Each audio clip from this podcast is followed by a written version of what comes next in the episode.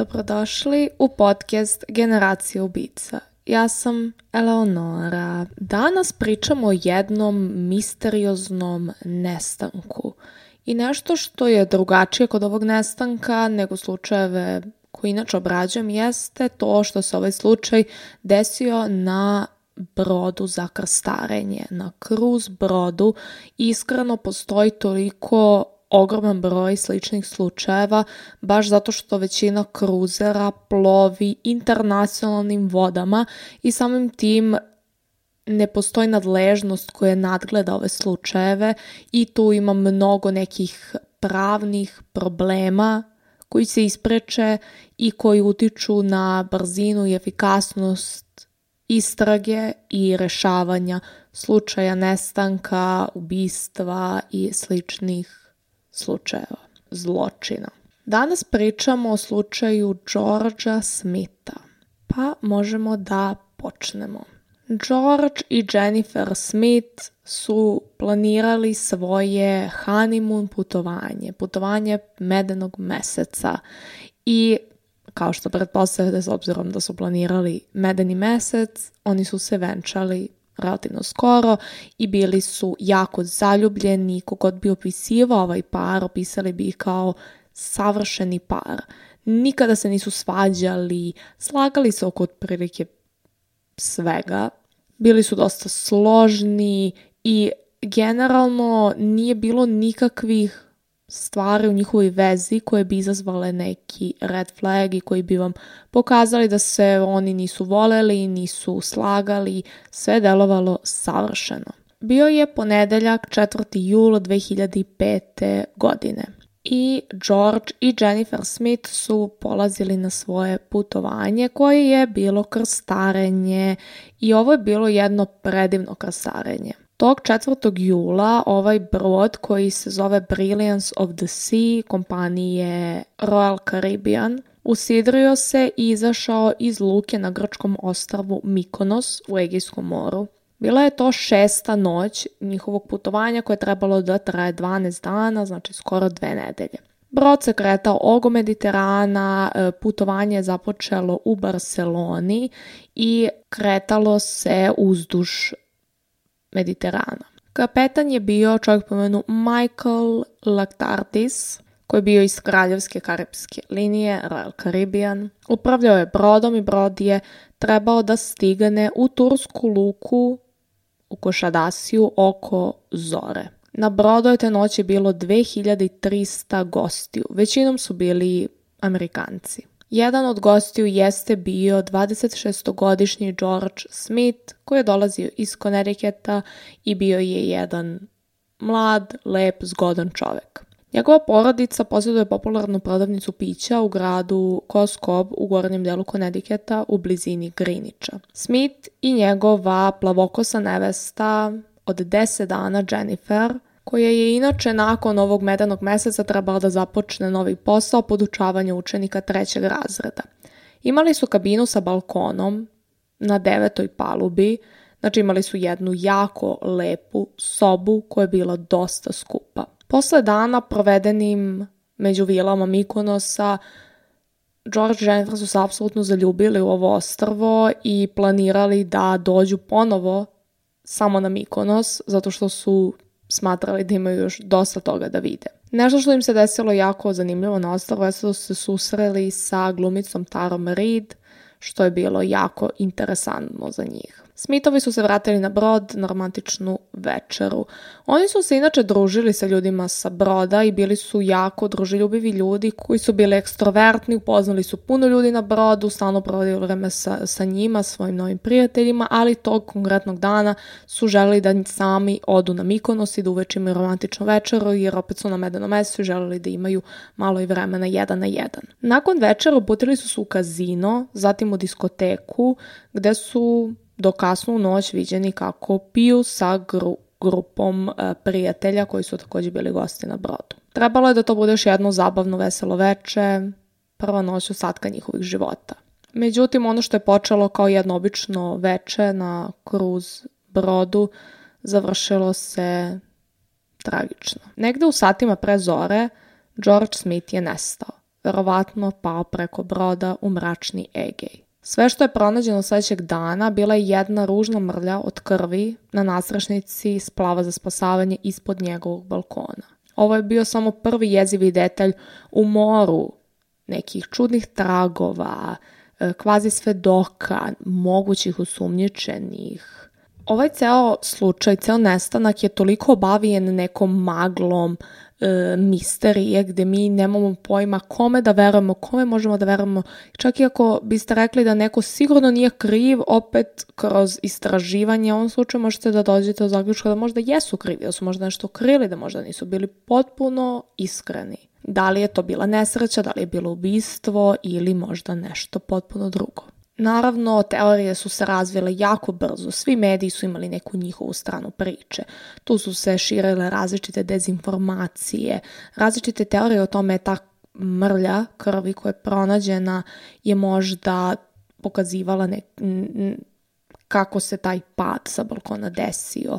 Um, zatim su se razvile različite priče o šefu kazina, o nekoj sceni koja se desila u diskoteci, o ruskim momcima s kojima su oni proveli to veče, zatim o količini alkohola koji su popili, da li su bile uključene droge, bilo je nekih sumnjivih zvukova u kabini Smithovih, um, policajci koji su krili šta se desilo, FBI koji je čutao, prosto toliko stvari vezane za samo jedan slučaj.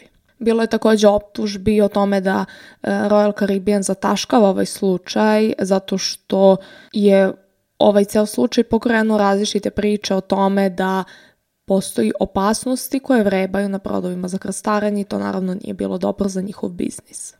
Ljudi nisu mnogo saznali u samom slučaju kada se slučaj dešavao zato što je porodica želela da ostavi FBI da radi svoj posao, međutim to nije bilo baš tako, tako da su oni frustrirani unajmili advokate i izašli u javnost kako bi dali intervjue i izjave um, i mogli da podele njihovu stranu priče. I ubrzo Đorđova slika se pojavljivala svuda i svi su pričali o njegovom nestanku i o njegovom slučaju. FBI je zamolio svedoke da ne dele nikakve informacije sa medijima, ali naravno nisu svi baš sustržali, tako da su u medijima procurila imena svih sumnjičenih, um, nekih teorija da je mesto zločina kontaminirano, uh, gde je bila Jennifer te noći, da li je ona nekako odgovorna za smrt njenog muža. Da li su ovi kruz brodovi sigurni onda da li možda samo žele da uzmu ogroman novac od tužbe Royal Caribbean kompanije. Znači previše, previše informacije, previše stvari o kojima se priča. Želim malo da se upoznam prvo sa time ko je bio George Smith pre nego što uđemo u šta se desilo te noći i teorije. Porodica Smith je decenijama bila u oblasti Greenicha. Prvi je bio George Allen Smith, koji je 1910-ih, 20. godina e, predavao matematiku u srednjoj škole u Greenwichu. Njegov sin, George Allen Smith II, bio je zubar i istaknuti odgajivač konja. George Smith III, koji je bio otac nestalog Georgea, je bio računovođa koji je kupio najstariju prodavnicu pića u oblasti Greenwicha, Koskob Liquor, 1982. godine. On i njegova supruga Maureen, rođena u Britaniji, Živeli su u susednom Glenvilleu, gde su George IV i njegova starija sestra Bri, sad advokat u Hong Kongu, odrasli. Njegova porodica se seća Georgea kao dečaka slobodne volje, koji je voleo zabavu i koji je odrastao radeći stvari koje rade američki dečaci. Igrao je košarku u dvorištu kuće, vozio bicikl kilometrima i bio u futbolskom timu u srednjoj školi u Griniću pre nego što je dobio napad mononukleozi morao da odustane od sporta, barem u tom periodu. George je bio porodični šaljivđija, kasnije na koleđu, na Babson koleđu u Wellesley u Massachusettsu, studirao informatiku i stekao diplomu za biznis. Bio je poznat kao veštak sa bilo čime elektronskim. Njegova sestra Brika je upisala kao osobu koja se jako razume u te stvari. Ipak kad nešto krane naopako, mislim da ću pitati George, jednostavno je pogodi. Ne mogu više da pitam George. U Babsonu, gde se zaužio za bratstvo Taj Kepa Epsilon, George je bio poznat kao jedan jako prijateljski nastrojen dečko koji je bio tih i malo je patio zato što je raskinuo vezu sa dugogodišnjom devojkom. Sladak momak, ne previše brpljiv, nije bio u centru pažnje u baru, ali je svima bio drag. Sjeća se žena koja ga je tada poznavala. Kao i svaki student, on se prilično žestoko zabavljao, ali svi smo to radili. Nakon diplomiranja na fakultetu, George se zaposlio u kompjuterskoj e, firmi u Stanfordu, Connecticutu, radeći na istraživanju internet pretraživača. Kasnije je prešao u firmu u predgrađu Bostona, gde se njegov šef njega seća kao omiljenog radnika, vrednog radnika koji je uzeo odmor na Božić da bi pomogao svom ocu u Koskob likuru. Ne mogu se setiti da je ikada imao neljubaznu reč za nekoga. Bio je veliki, nežan čovek. 2003. godine George je zanadio svoju porodicu tako što je dao otkaz i vratio se kući da radi u porodičnoj prodavnici. To je bila privlačnost porodice, apsolutno privlačnost porodice. Na svom poslu, znate, radio je za stolom od 8 do 6 svakoga dana i rekao da više ne može da sedi ispred kompjutera. To kažu njegovi voljeni. Trebalo mu je više društvene interakcije. George se preselio u stan u Bajramu, blizu Koskoba i počeo da radi na žuriranju kompjuterskog sistema prodavnice i kreiranja web stranice. Njegov otac se nadao da će George jednog dana preuzeti posao. George je planirao da agresivno krene u internet prodaju pića. Mladić je takođe bio posvećen dizanju tegova, počeo je da svaki dan odlazi u teretanu i ubrzo je njegov otac primetio da prodavnica kreće da gradi svoju bazu kupaca. Toliko žena bi ušlo u radnju, kaže njegova majka, samo da vide Đorđa, ali on je bio tako, tako odan Jennifer. George je upoznao Jennifer Hegel 2002. godine oni neki prijatelji su uzeli deo u trošnoj izamljenoj kući u Newportu na Rhode Islandu, a kada mu se tuš pokvario, počeo da koristi kupatilu u stanu na spratu, čiji je standard bio Jenniferin brat Johnny. George je bio veoma tih u svojim odnosima, barem sa nama, ali odjednom smo počeli da često čujemo ime Jennifer, kaže njegova sestra. Moj brat je bio serijski monogamista, ali činilo se da su oni Jennifer prilično brzo postali ozbiljni. Jennifer je bila lepa, platinasta plavoš, odrasla je u obližnjem gradu u Cromwellu, gde njen otac, bivši policajac, vodio građevinski posao. Njena majka je bila agent za nekretnine. Jennifer je pohađala Trinity College u Hartfordu, gde je upoznala Georgia. Radila je na magistarskim studijama na Univerzitetu Roger Williams u Bristolu, Rhode Islandu. Pre nego što su Smithovi to shvatili, Jennifer se uselila u Georgeov stan i činilo se da par provodi svaki raspoloživi minut zajedno. U ponedeljak svog slobodnog dana, George bi svratio do pijace Ferris Fields da kupi Jenniferinog omiljenog čilanskog brancina koji je pekao na roštilju na otvorenom bez obzira na vremenske prilike – To je zapravo bio moj veranički poklon za njega. Novi roštilj, jer svaki put kada bismo otišli tamo čak i zimi morali smo da sedimo napolju dok je George pekao roštilj. Kaže Morin u našim kaputima. George i Jennifer proveli su duge sate planirajući i finalizirajući detalje svog venčanja.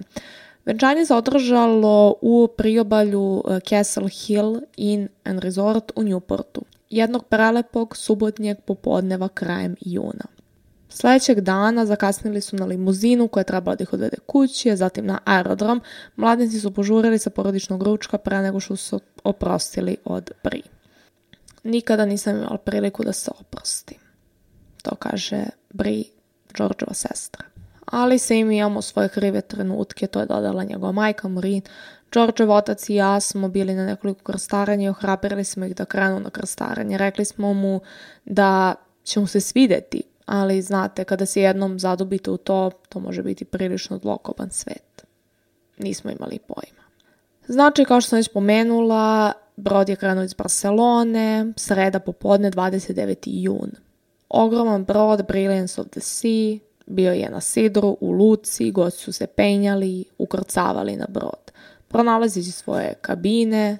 Ovaj brod je imao kazino, diskoteku, restorane, tri različita bazena, bio je jedan od najvećih od 19 brodova koje je posjedovala Royal Caribbean kompanija.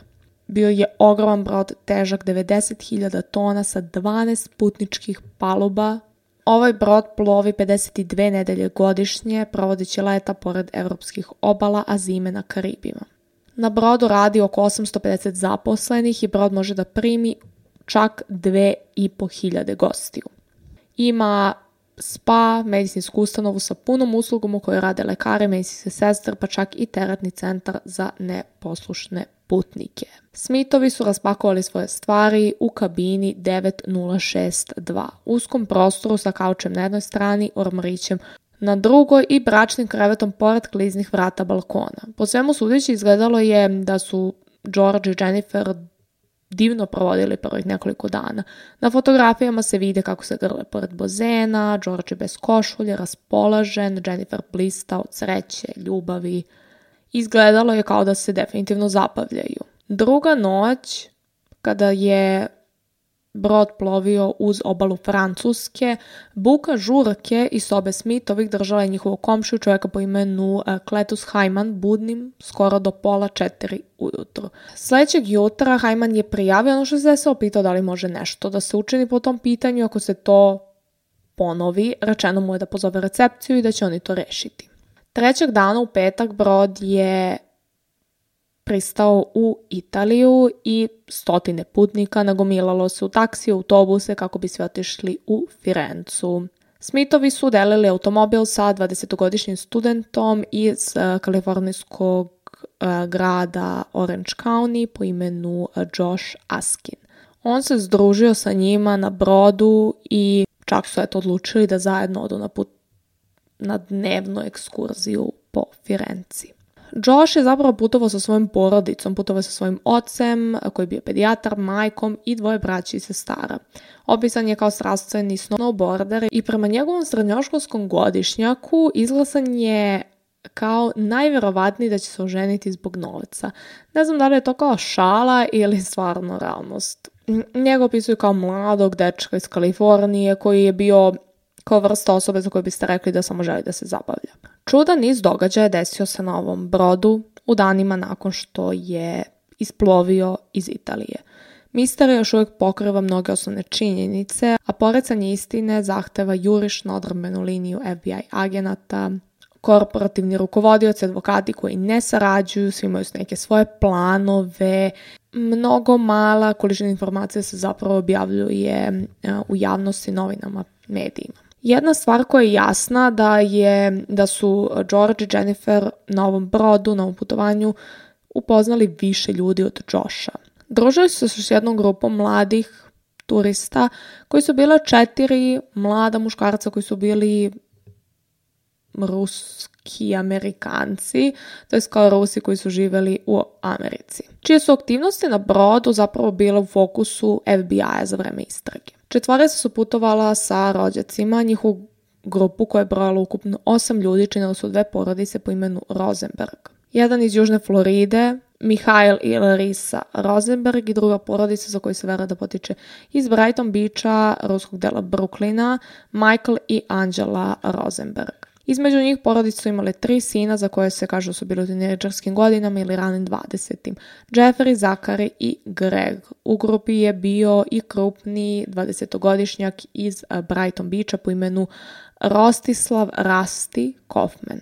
Jedna od najčudnijih stvari u vezi ovog slučaja jeste nevoljnost medija da identifikuju ove mladiće. Uglavnom u ovakvim situacijama mediji će biti prvi da objave sve moguće informacije o sumnjičenima, njihove slike, informacije, da iskopaju sve što mogu njima, ali to nije bio slučaj u Georgeovom nestanku. Mesecima je Josh bio jedini koga je štampa uopšte pominjala i to zato što je njegov advokat razgovarao sa medijima. Inače su ostali ovi ruski momci tek pomenuti mnogo kasnije.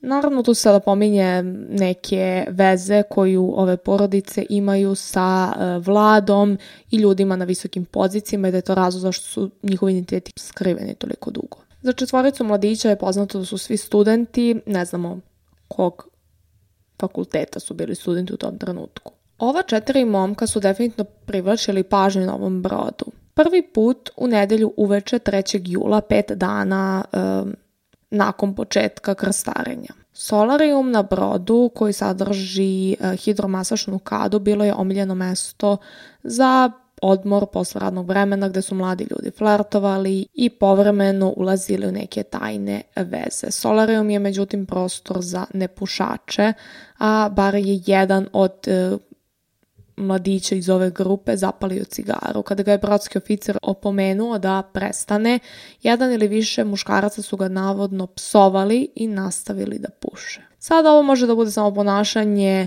um, mladih momaka koji se prave da su kao opasni ili može stvarno da bude nešto malo alarmantnije. Sledećeg dana je brod pristao na Mikonos, Zapravo Brod je obavestio roditelje o ponašanju njihove dece koji su pravili neke probleme i porodica je obavestila da njihova deca neće praviti više problema i da su pod nadzorom. Međutim, ovi problemi sa decom, tinejdžerima su tek počeli. Te noći je Brilliance of the Sea krenuo sa Mikonosa do Kušadasija. George i Jennifer Smith su se posle večera uputili u kazino, kao što sam već pomenula, i Jennifer je rekla da se nadaju da će sresti još jedan par koji su upoznali na brodu. Umesto toga, po svemu sudeći, proveli su veći deo večeri kockajući se odvojeno. Jennifer je igrala blackjack, a George je bio za stolom za kockanje, podučavajući Georgea Askina da igra. Tri ruska dečaka, uključujući Hoffmana, takođe su bila u kazinu. Najdetaljniji izveštaj o tome šta se dogodilo u kazinu dolazi od Joshovog advokata. Prema njegovim rečima, Josh je primetio da Jennifer postaje dosta druželjubiva sa zgodnim južnoafričkim čovekom po imenu Lloyd Bota. Kada se kazino zatvorio u 2.30, Smithovi su zajedno sa Joshom ušli u lift i krenuli ka diskoteci. U liftu je bio i Lloyd Bota, koji je stajao pored Jennifer i prema Joshovim rečima stajao je preblizu i definitivno prelazio profesionalne granice. S obzirom da on jeste bio neki menadžer, bio je zaposlen na brodu. Bilo je neprijatno, ali ne znam da li je George to primetio u tom trenutku. Međutim, Lloyd odbija da su on i Jennifer bilo kako flertovali ili bili zajedno te večeri. U diskocesu su po svemu sudeći predružili Kaufman i dvojica Rosenbergovih e, momaka. Sedali su oko stola sa Georgeom dok je nekoliko članova grupe pilo flaše absenta, jako snažnog pića koje je zapravo zabranjeno u to vreme bilo u većini zapada i nije se prodavalo na ovom brodu, nego su oni uspeli da ga kupe i da ga ušvercuju unutra. George i Jennifer su bili veoma pijani te večeri. Jennifer i Lloyd su sve vreme bili zajedno i bili su previše blizu jedan drugog. Nisu izgledalo kao da flertuju, što George u startu nije primećivao, u jednom trenutku jeste primetio i usprostavio se. George i Jennifer su navodno ušli u kratku svađu koja je kulminirala tako što je Jennifer udarila svog novog muža u prepone i ljutito izašla iz diskoteke. Prema Joshovom izveštaju, Lloyd Bota je izašao sa njom. Josh kaže da on lično nije video ovu svađu između njih, saznao je za to preko medijskih izveštaja. Izašao iz diskoteke oko 3.10, 3.20 i kada je otišao George, Jennifer i svi tinejdžeri su još uvek bili u klubu. Nije video ništa poput svađe, vratio se odmah u svoju sobu. Međutim, Jennifer se ničega nije sećala, insistirala da se nije sećala ničega nakon što je napustila kazino. Ako jeste, moguće da je pretrpela gubitko, gubitak memorije izazvan alkoholom. Ubrzo nakon neslaganja Smith para oko 3.30 diskoteka je zatvorena. Navodno ono što saznajemo od um, Josha Askina i Rusty Kaufmana, George je bio previše pijan da bi hodao sam, tako da su ga njih dvojica zajedno sa Rosenberg braćom vodili do njegove kabine. Morali su bukvalno da ga odnesu do tamo zato što nije mogao da hoda. Međutim, kada su stigli u kabinu, Jennifer nije bila tamo. George je želao da ide da je pronađe i prema izveštaju on je promenio košulju presvukao se, a zatim sa e, Joshom i trojicom ruskih e, momaka krenuo u solarium, gde su se mladi ljudi sa broda okupljali posle radnog vremena. Jennifer nije bila ni tamo. Grupa je zatim odvela Georgia nazad u njegovu sobu, stigavši u 4.02. Vreme je moglo da se proveri uz pomoć kartica koje su e, korišćene za otvaranje vrata kabine. To je bio posljednji put da je George Smith viđen živ. Postoje dve verzije onoga što se dalje dešavalo. Ovo su izveštaji ljudi koji su se nalazili sa bočnih strana Smith kabine. Detaljnije, jedan od njih dvojica se bio Clit Hyman, koga sam već pomenula, koji je inače zamenik šefa policije u Kaliforniji i ima 31 godinu iskustva u policiji. Prema Hajmanu probudio se nekoliko minuta posle 4 ujutro. Čuo je glasno navijanje, što je zvučilo kao neka igra pijenja na koleđu, znači kada neko pije i vi se derete, podržavate ispijanje alkohola. U kabini Smithovih bio je iznerviran, lupao je po zidu i zvukovi su se smirili na minut ili dva pre nego što su nastavili.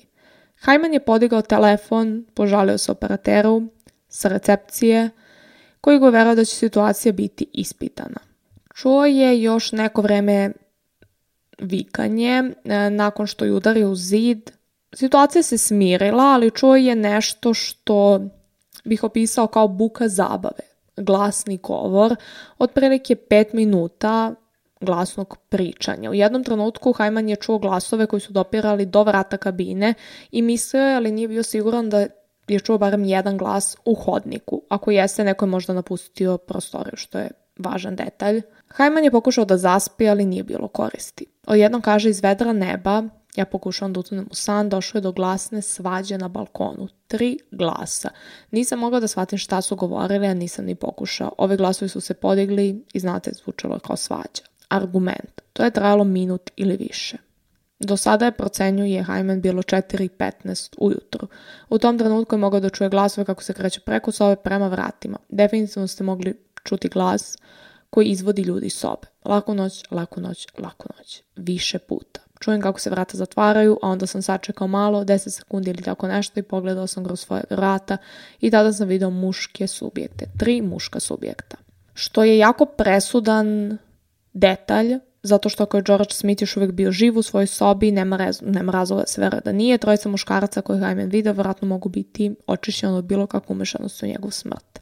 Ali Hyman iz poštovanja prema FBI-u neće reći koga je video, neće reći ni da li identifikovao koga je video. Jedino što je Hyman rekao za, za javnost jeste da je video trojicu sumnječenih, to je sve što je mogao da kaže. Na drugoj strani Smithove kabine imamo turiste um, Grega i Pat Loer uh, koji su čuli mnoge slične zvuke kao i Clit Hyman, ali ne sve. Nisu videli i čuli kako mladiće odlaze, ali su ih čuli kako govore. Dvojica od trojice mladića tvrde imali su naglasak. Izveštaj advokata, nije u suprotnosti sa Hajmanovom ključnom tvrdnjom, samo su tri muškarca napustila prostoriju. Ako je Josh bio pravo, četvorica mladića su vratili George u njegovu sobu, Askin, Rusty Kaufman i dva Rosenberga. Kaufmanov advokat insistira da su sva četvorica otišli u isto vreme, da je Hajman pogrešno načuo samo troje ljudi. Ali ako su samo trojica otišla, to bi moglo značiti da neko još uvijek bio u sobi sa Georgeom ili možda i nije. To jest da je jedan od muškaraca otišao ranije, ako je Hyman mislio da je to moguće. Niko nije siguran da li je još neko bio u prostoriji nakon 4 i 15 kada su muškarci otišli. Šta god da je bilo, e, Clint Hyman je definitivno bio radoznao i nije baš mogao da spava, tako da je nastavio da sluša grosanke zidove, siguran da je čuo nekoga kako govori, razgovornim tonom ali je čuo samo jedan glas. Istovremeno je počeo da čuje sve glasnije zvukove. Bilo je pokreta u prostoriji, ali ovo je opet bilo sporadično. Zvučalo je kao da neko otvara, zatvara fioke, ormane, možda pomera nameštaj. Pada mu na pamet da možda čiste sobu, da su napravili zabavu i da sada to čiste. I bio je veoma srećan jer bio je ok, kraj zabavama, čiste, sređuju, sad će da da spavaju. Ovo lupanje trajalo je oko 8 minuta. U tom trenutku zvuci su se pomerali prema balkonu. Dve metalne stolice su bile tamo, a Kajman kaže kako je čuo da se bar jedna pomera, a onda tišina. Minut ili dva. Nije čuo nikakav zvuk. Zatim, otprilike između 4.20 i 4.25 ujutru, Hajman je čuo ono što je opisao kao užasan udarac, toliko snažan da je osetio vibraciju u svom krevetu. Znači, taj udarac, to što je čuo, je bilo toliko glasno da se njegov krevet zatresao. Prva pomisla mu je bila da neko pao na balkon, a ne sa njega. Ali pošto je bilo tako glasno, odbacio sam tu pomisao. Neko bi morao da bude veoma težak da bi proizvao taj zvuk. Drugo što sam pomislio je da su pa pomerali nameštaj. Mislio sam da možda bacaju nameštaj u more. Zvučalo je dovoljno teško da bude kauč. Nakon toga je nastala potpuna tišina. Posle toga nisam čuo nikakve vriske, nikakve pokrete.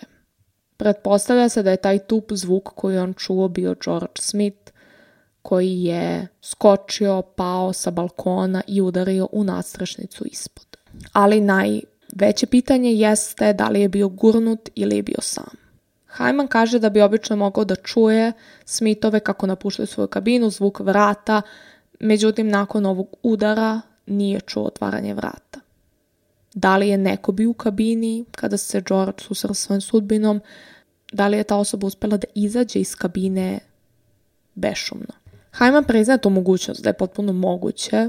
Sistem za nadzor ne može da razjasni ovu misteriju. Jedino što imamo jesu te kartice kada su vrata kabine otvorene i to je sve ne možemo da saznamo kada su se vrata zatvorila, to je kada su otvorena sa unutrašnje strane. Sljedeće što je Hajman čuo sledilo je 3 ili 4 minuta nakon užasnog udara. Dvojica pripadnika obezbeđenja Royal Caribbean reagovali su na njegov raniji poziv i prošli su hodnikom, prišli vratima e, para Smith, nisu čuli nikakav, nikakav zvuk iznutra, nije bilo odgovora na njihovo kucanje. Pod pretpostavkom da je zabava koja se tu dešavala završena, nisu pokušali da uđu. Hajman je ostao u svojoj sobi i nije razgovarao sa obezbeđenjem koji su se udaljili. Verovali su da je sve u redu. Nismo imali opravdanje na invaziju u gostinskoj kabini na osnovu jedne jednostavne žalbe na buku. Hajman je položio glavu na jastuk i vratio se nazad na spavanje. Josh negira da ima bilo kakvu ulogu u nestanku Georgea Smitha. Navodi da su on, Kaufman i dva Rosenberg ostali sa Georgeom 10 ili 15 minuta, tokom kojih je Josh koristio kupatilo, kada su sve otišli u 4.15, unutra nije ostao niko osim Đorđa. Advokat Rastija Kaufmana osporava ovu vremensku liniju stavljajući sve nekoliko minuta ranije. Kaže da su njegov klijent i dva Rosenberga se vratili u Hoffmanovoj sobi do 4. Tvrdi da ima fotografiju sa vremenskim žigom koje to dokazuje. Oni su naručili hranu i to je navodno njihov alibi, da su se nalazili u sobi u to vreme. Bez obzira na, na timing, um, George Smith je posljednji put viđen kada su ga momci ostavili na krevetu u njegovoj kabini. George je bio zahvalan, čak je poljubio jedno, jednog od momaka i obećao da će im sutradan kupiti turu pića. Josh je navodno otišao sa njima u Kaufmanovu sobu i vratio se kući, to je u svoju kabinu u 5.15 ujutro. Sada verovatno imate jedno pitanje. Mislim ne jedno, ali kao jedno od pitanja jeste šta je sa Jennifer, gde je bila Jennifer kada se ovo sve dešavalo. Mesecima se spekulisalo o tome šta je Jennifer radila te večeri u satima pre i nakon što se njen muž vrati u njihovu kabinu. U intervjuima koje ona dala insistirala da se ne sjeća ničega po izlasku iz kazina. Na prvi pogled ovo bi mogli izgledati sumnjivo, nijedan gost se nije javio da utvrdi gde je bila. Zaista pitanje u vezi sa njenom lokacijom ležalo su na vrhu velikog pitanja. Da li je Jennifer Smith imala ikakve veze sa nestankom svog muža? Ovo je bilo ogromno pitanje. U jednom periodu su ljudi stvarno verovali da je Jennifer ubila svog muža. Međutim, ova misterija je počela posle par meseci da se razjašnjava. Kada je Royal Caribbean objavio svoju vremensku liniju događaja. Prema nekoliko svedoka, Jennifer je viđena kako izlazi iz, iz diskoteke oko 3.15, samo nekoliko minuta pre nego što su George i njegovi prijatelji otišli. Trebalo je manje od 5 minuta da se vrati u svoju kabinu, da je prošetala direktno tamo, možda bi bila tamo kada je George bio u kabini sa svojim prijateljima i kada su se igrali igrom opijanja, kako je to Clet Hyman opisao. I da se Jennifer vratila u kabinu, da li bi se noć možda završao potpuno drugačije. Da li je George doživao nesreću i pao sa broda, možda da je ona bila tu se to ne bi desilo ili bi videla šta se desilo i odmah pozvala pomoć i on bi bio potencijalno spašen. Ili da je George gurnut sa broda, da je ovo bilo ubistvo, možda je to mogla da spreči. Ili bi možda i ona postala žrtva Georgeovih ubica, ako je on ubijen. Jennifer se nije vratila u svoju sobu. Iz diskoteke sa liftom spustila se do devete palube, ali je očigledno bila toliko pijena da je postala dezorijentisana. Umesto da skrene desno u dugački hodnik koji je vodio do njihove kabine, ona je skrenula levo u desni hodnik. Odatle je išla sve dok se hodnik nije završio u niši, gde su bila vrata za održavanje maintenance room. Bilo je zaključeno, Jennifer se navalila na zid i skliznula na pod gde je zaspala. Njen advokat sugerisao da je Jennifer možda bila drogirana, da je možda neko i odvao do tog mesta i da je ostavio tamo. A da je ona potpuno zaboravila na to. Zbog droge kojom je bila drogirana. Znači, postoji neka teorija da su možda ako su želeli da ubiju um, Georgia, morali da obezbede to da se Jennifer ne vrati u njenu kabinu i to su radili tako što su je drogirali. E, razlog zašto je nastala ova teorija jeste zašto je Jennifer navodno bila skroz ok i onda je samo sad vremena kasnije bila raznese, raznešena od života, što nije nemoguće ako je popela ogromnu količinu alkohola u kratkom vremenskom periodu, moguće je da je još uvijek bila trezna i da je onda alkohol brzo udario i da je bila pijana. Mislim, nije nemoguće da se neko toliko napio da se on ne svestio. Prema Royal Caribbean obezbeđenje pronašlo Jennifer nešto posle 4.30, otprilike u isto vreme kada su se druga dva člana obezbeđenja e, nalazila ispred vrata njihove kabine i um, pokušali da razgovaraju sa ljudima koji su pravili buku u sobi, ali očigledno da su već do tada svi izašli iz kabine i da je George bio sam. Medicinska sestra je predložila da se stavi um, mokri peškir na čelo i da, pokuš, da pokušaju da je probude. Bili su na telefonu sa njom i oni su to i uradili. Jennifer se probudila, dala svoje ime, broj kabini, rekla da je dobro. Pojavile su još dva čoveka obezbeđenja, pomogli Jennifer da ustane, mogla je da hoda, ali nije bilo dobro. Došli su do kabine u 4.48, što je bilo 15 minuta nakon posete um, prvog, prva dva člana obezbeđenja. Ponovo su kucali, niko nije odgovarao, tako da su ušli unutra, pogledali u kupatilo, pogledali okolo i tamo nikoga nije bilo. George se nije nalazio u kabini i vrata od e, terase su bila zatvorena. Zapravo Jennifer nije mogla da hoda uopšte, nije mogla da ustane, tako da su je odvezli invalidskim kolicima do njene kabine i ušli su ponovo u 4.57. Znači prvo je došlo samo obezbeđenje da provere da je sve u redu sa sobom i da vide da li se njen muž nalazi tu. Kada ga nisu pronašli, rešili da joj pomognu da dođe do kabine. Trojica um, članova izviđenja odvezli, odvezli su um, Jennifer do kreveta gde su je podigli i stavili da spava. Niko od njih nije primetio ništa loše, nikakve znakove borbe, tragove krvi ili bilo čega u sobi što bi ih nagovestilo da se nešto ovde desilo. Dok su odlazili, Klit Hajman je gurno glavu kroz vrata svoje sobe i ispričao im svoju raniju pritužbu. Pozvao ih je da uđu unutra.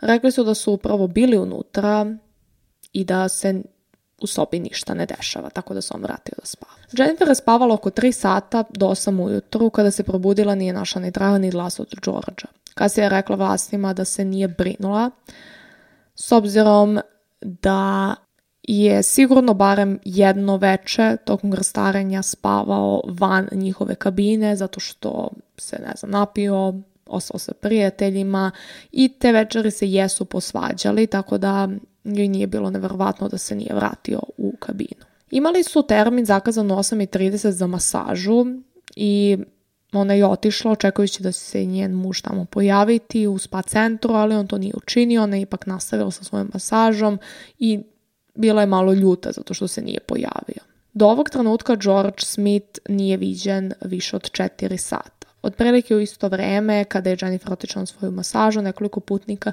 sa, svojim balko, sa svojeg balkona primetilo je mrlju krvi na beloj nastrešnici. Grupa brodskih oficira ga je pregledala kao i kapetan i svi su znali šta bi ovo moglo da znači. Iznad krve mrlje bilo su četiri nivoa kabina, znači mogao je da to bude bilo ko od njih. Kapetan je naradio proveru četiri kabina direktno iznad ovog e, otiska krvi plus osam osoba sa obe strane. Ulazak gostiju na brod i izlazak sa njega se prati preko sistema kartica i trebalo im je samo nekoliko minuta da su ustanovi da su mnogi gosti u tim sobom već izašli iz broda. Bilo je potrebno manje od sat vremena da se utvrdi da su Smithovi jedni gosti koji su i dalje na brodu. Na brodskom interfonu pozvali su gospodine i gospođu Smith. Posle nekoliko minuta dobili su poziv iz spa centra gde su rekli da je Jennifer u sobi za masažu i da nije čula oglas. Tri oficira sišli su do spa centra kako bi se susreli sa Jennifer. Rekla je da nema pojma da je muž, rekla je da pretpostavlja da možda spava negde drugde na brodu. Oficiri su se uzdržali da pominju mrlje od krvi i straha da ne uplaše Jennifer. Otpratili su je do medijske sestre i tada je Mary Brehert ušla i sa ostalim oficirima objasnila situaciju. Bila je kao zombi, kaže Brehert. Bila je samo očajna, imala je pogled u očima koje je govorio pomozi mi. Plakala je, činilo se da je zbunjena, pozvali smo doktora da uverimo da je u redu. Nije mogla da se vrati u sobu. Tamo smo našli praznu kabinu. Odveli su je do sobe, ali joj nisu dozvolili da uđe unutra jer ovo sada bilo mesto zločina, tako da je jedino što je mogla da kupi jeste bila neka njihova odeća koju su pre, proja, prodavali na brodu.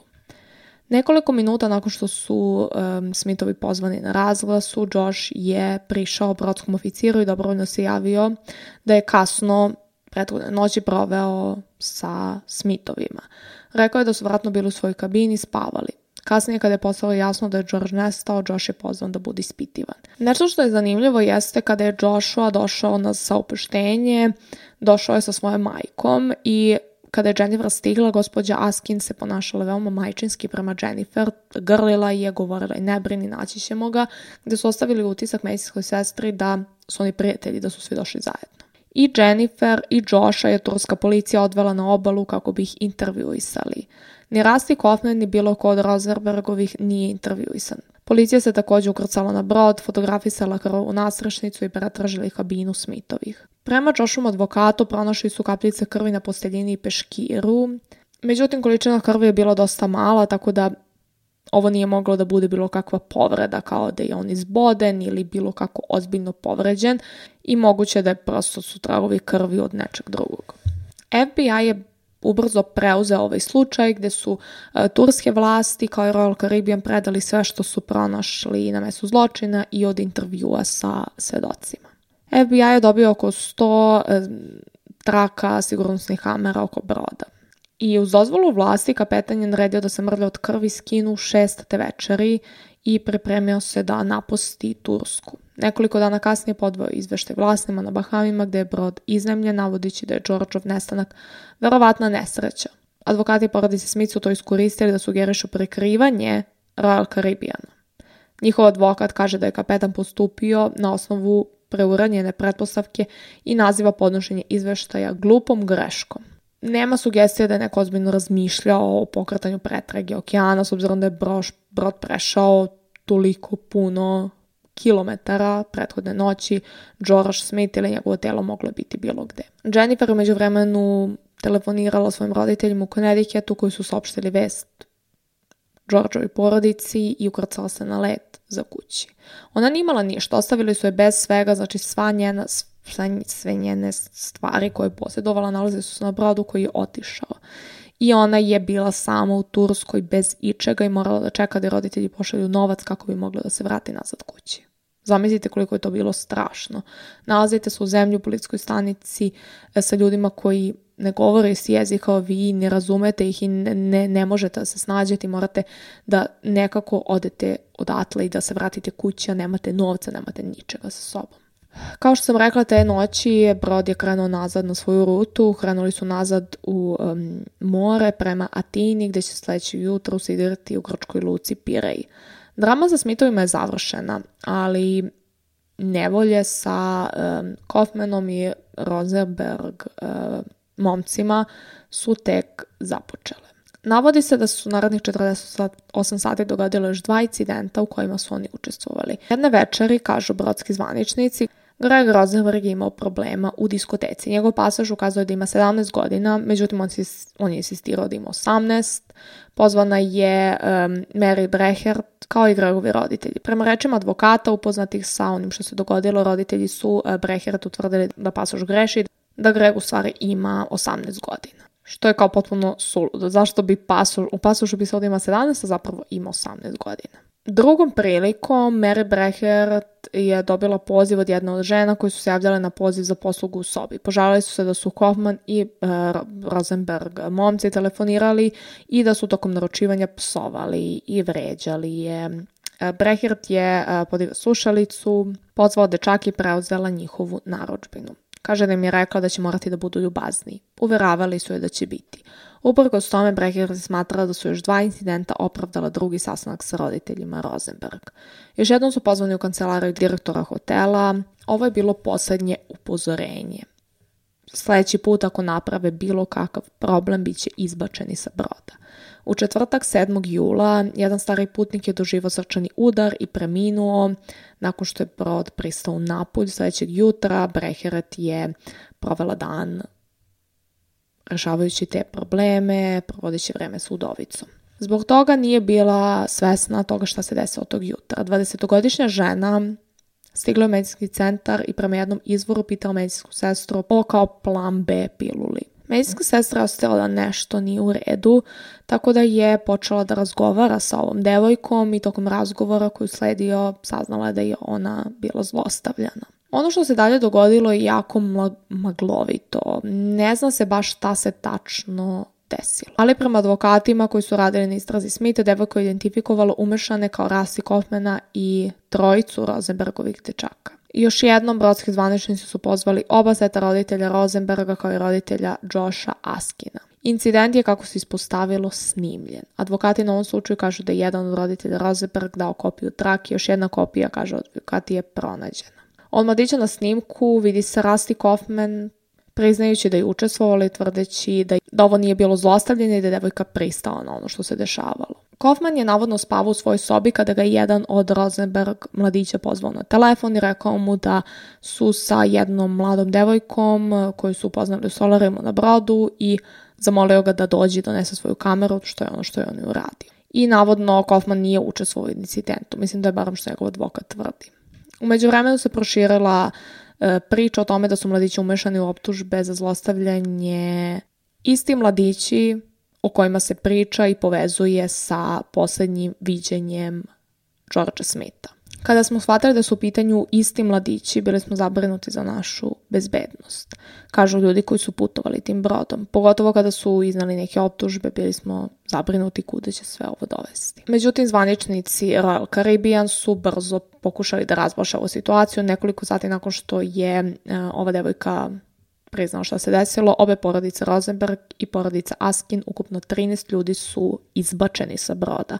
Ima više sada priča o toj, toj optužbi za zlostavljanje, navodno da su vlasti italijanske nakon, pre, nakon gledanja video snimka zaključuju da nema dokaza zločina, međutim, postoji druga strana priča, to je da e, ovaj sud je nije imao, sud nije imao nadležnost i da je morao da preda slučaj američkom konzulatu FBI-a da istraži dalje. Vest o nestanku Georgea Smitha izazvala je nekoliko nacionalnih medicinskih izveštaja, ali su svi napori da se dalje kopa po slučaju osujetili tugom pogođenja porodice Smith i Hegel, koji su odbili da razgovaraju o incidentu. Međutim, sve se to odjednom promenilo kada su i Jennifer i porodica Smith iznenadno počeli da se pojavljaju u medijima i da pričaju o slučaju, što je, kao što sam pomenula na početku, razlog bio problem saradnje sa policijom i FBI-om.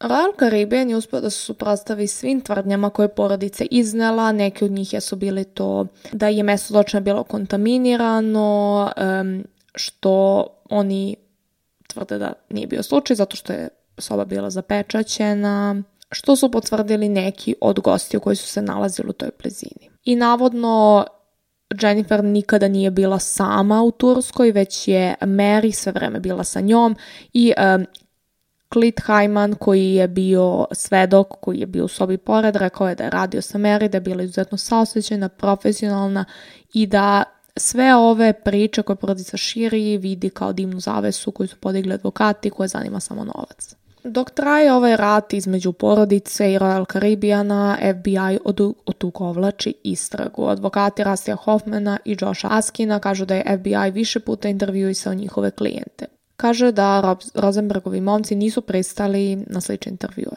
Advokat Rosenbergovih neće reći da li je to istina Do sada većina advokata uključenih u slučaju spekuliše, niko nije priznao ništa drugo, osim da je imao seks sa 20, 20-godišnjom ženom koja je pristala na to. Dakle, šta se zapravo dogodilo Georgeu Smithu? Čak ni njegova porodica nije sigurna. Svakoga dana smo sve više zbunjeni. Njegova porodica je bila jako uz Jennifer, onda su jedan period počeli da razmišljaju o tome da možda je ona umešana u njegovu smrt, pa su se odaljili od nje. I njegova porodica kaže da ne znaju šta mu se dogodilo i da veruju da je možda, da možda FBI ima odgovore. I veruju da je on ubijen, da se ovde nešto loše desilo. Postoje sada, da kažemo, tri teorije koje bih mogla da izdvojim. Prva teorija jeste da je ovo bilo ubistvo. Da su ovi mladići iz nekog razloga rešili da ubiju Đorđa tako što će ga gurnuti preko balkona njegove kabine na ovom kruzeru. Razlog i motiv koji ljudi navode jeste pljačka. Zato što se George hvalio količinom novca, keša koji je imao sa sobom, koji se nalazi u njegovoj kabini i ljudi veruju da su možda ovi momci pokušali da ga opljačkaju, da uzmu taj novac, mada mi nemamo tu informaciju koliko je to bilo novca i da li je novac kasnije pronađen u njihovoj sobi ili je bio ukraden. Tako da ne znam da li je to možda ono što se desilo, ali ako je bila pljačka, zar soba ne bi trebalo da bude uništena? Zar ne bi trebalo da se vide znakovi da se ovde desila pljačka, što oni tvrde da nije izgledalo kao da se ovde desila pljačka? Druga teorija jeste da je George skočio da je izvršio samoubistvo i da je skočio. Što mislim da niko ne veruje u ovu teoriju, zato što kažu da je George bio jako srećan, da nije imao nikakvog razloga da oduzme sebi život i da to prosto nije imalo nikakvog smisla. Iako mi znamo da je mentalno zdravlje jedna jako čudna stvar i da nekada neko može da deluje savršeno i da deluje zdravo mentalno i da je to suprotno od istine i da oduzme sebi život. Ali Nekako se ni to ne uklapa u celu ovu priču. I treća teorija, konačna, jeste da je ovo bila nesreća. Da su momci ostavili Đorđa da je bio pijan i da je odlučio da izađe na terasu i da je pao sa balkona svoje kabine. Nešto što meni nije jasno jeste što, mislim, nisam lično bila na kruzeru, ali Mislim da je logično da su te ograde na kruzerima dosta visoke, zato što ne želimo da neko slučajno padne sa balkona i izgubi život. Da li je moguće uopšte da je on tako lako pao sa balkona, da se nagnu i da je prosto ispao? Da li bi to bilo jednostavno ili ne? Možda zato što je bio toliko pijan, izgubio je ravnotežu i pao, Veruje se da je možda George iz, izašao da ispuši cigaru s obzirom da je bilo više svedoka oko njihove sobe koji su osetili miris cigareta, što znači da je verovatno neko od njih pušio. Možda zvuk koji se čuo tog otvaranja fioka ormana nisu bili momci koji su pokušavali da opljačkaju Đorđa, već je George koji je tražio cigarete. Možda je izašao napolje da je popuši cigaretu i pao sa balkona. Pretpostavka jeste da je on možda seo na ogradu, da se popeo i da je seo na ogradu terase dok je pušio cigaru i da je izgubio ravnotežu i pao. Iskreno, nemam pojma. Kao, ne znam. Um, Ovo može da bude, mogu da budu sve tri teorije, ali da kažemo da najmanje verujem u to da je ovo bilo samoubistvo. Zato što mislim da prosto ne, nije, nisu, nije se desilo ništa pod okolnostima da bismo dobili utisak da je, da je ovo bilo samoubistvo, da je on želao da okonča sebi život.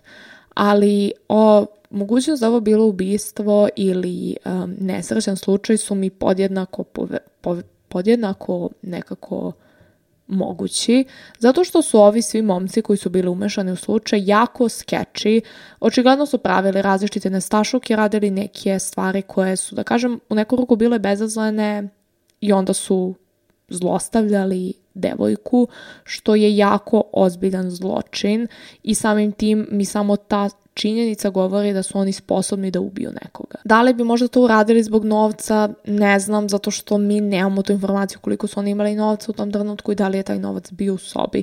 Možda taj zvuk koji se čuo tog lupanja je zapravo bio zvuk njih koji su pokušali da opljačkaju um, Đorđa. Zašto bi morali da gubiju? Mogli su, on je bio pratno pijan, mogli su da ga opljačkaju i da izađu odatle. Ako su već to um, kao pokušavali da pretresu.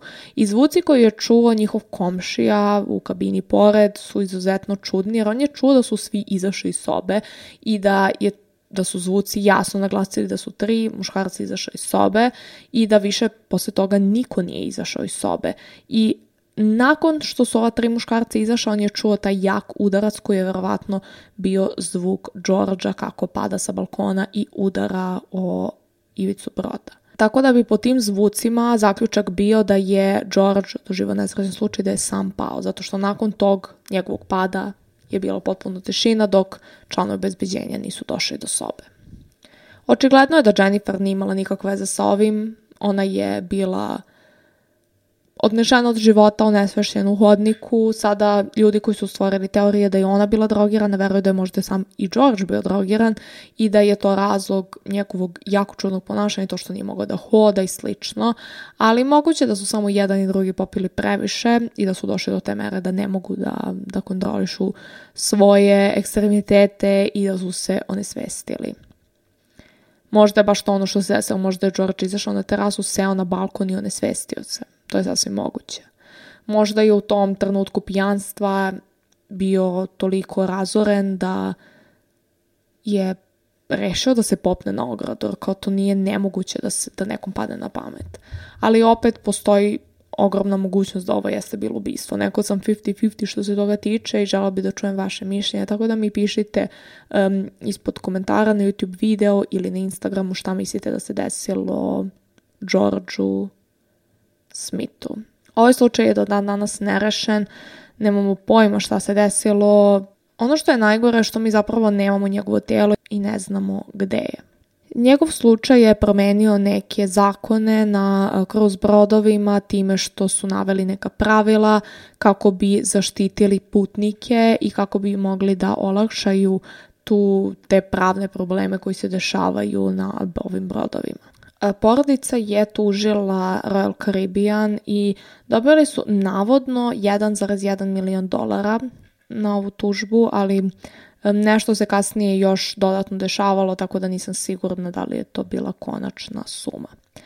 Uglavnom, to bi otprilike bilo to što se tiče današnjeg slučaja. Nadam se da ste uživali, da vam se dopala današnja epizoda Generacija ubica. Možete da me zapratite na YouTube-u, Eleonora Vojnovski, kao i na društvenim mrežama, Instagramu i TikToku. Također imam Patreon gde možete dobiti raniji prisus i mojim e, videima kao i podcastima.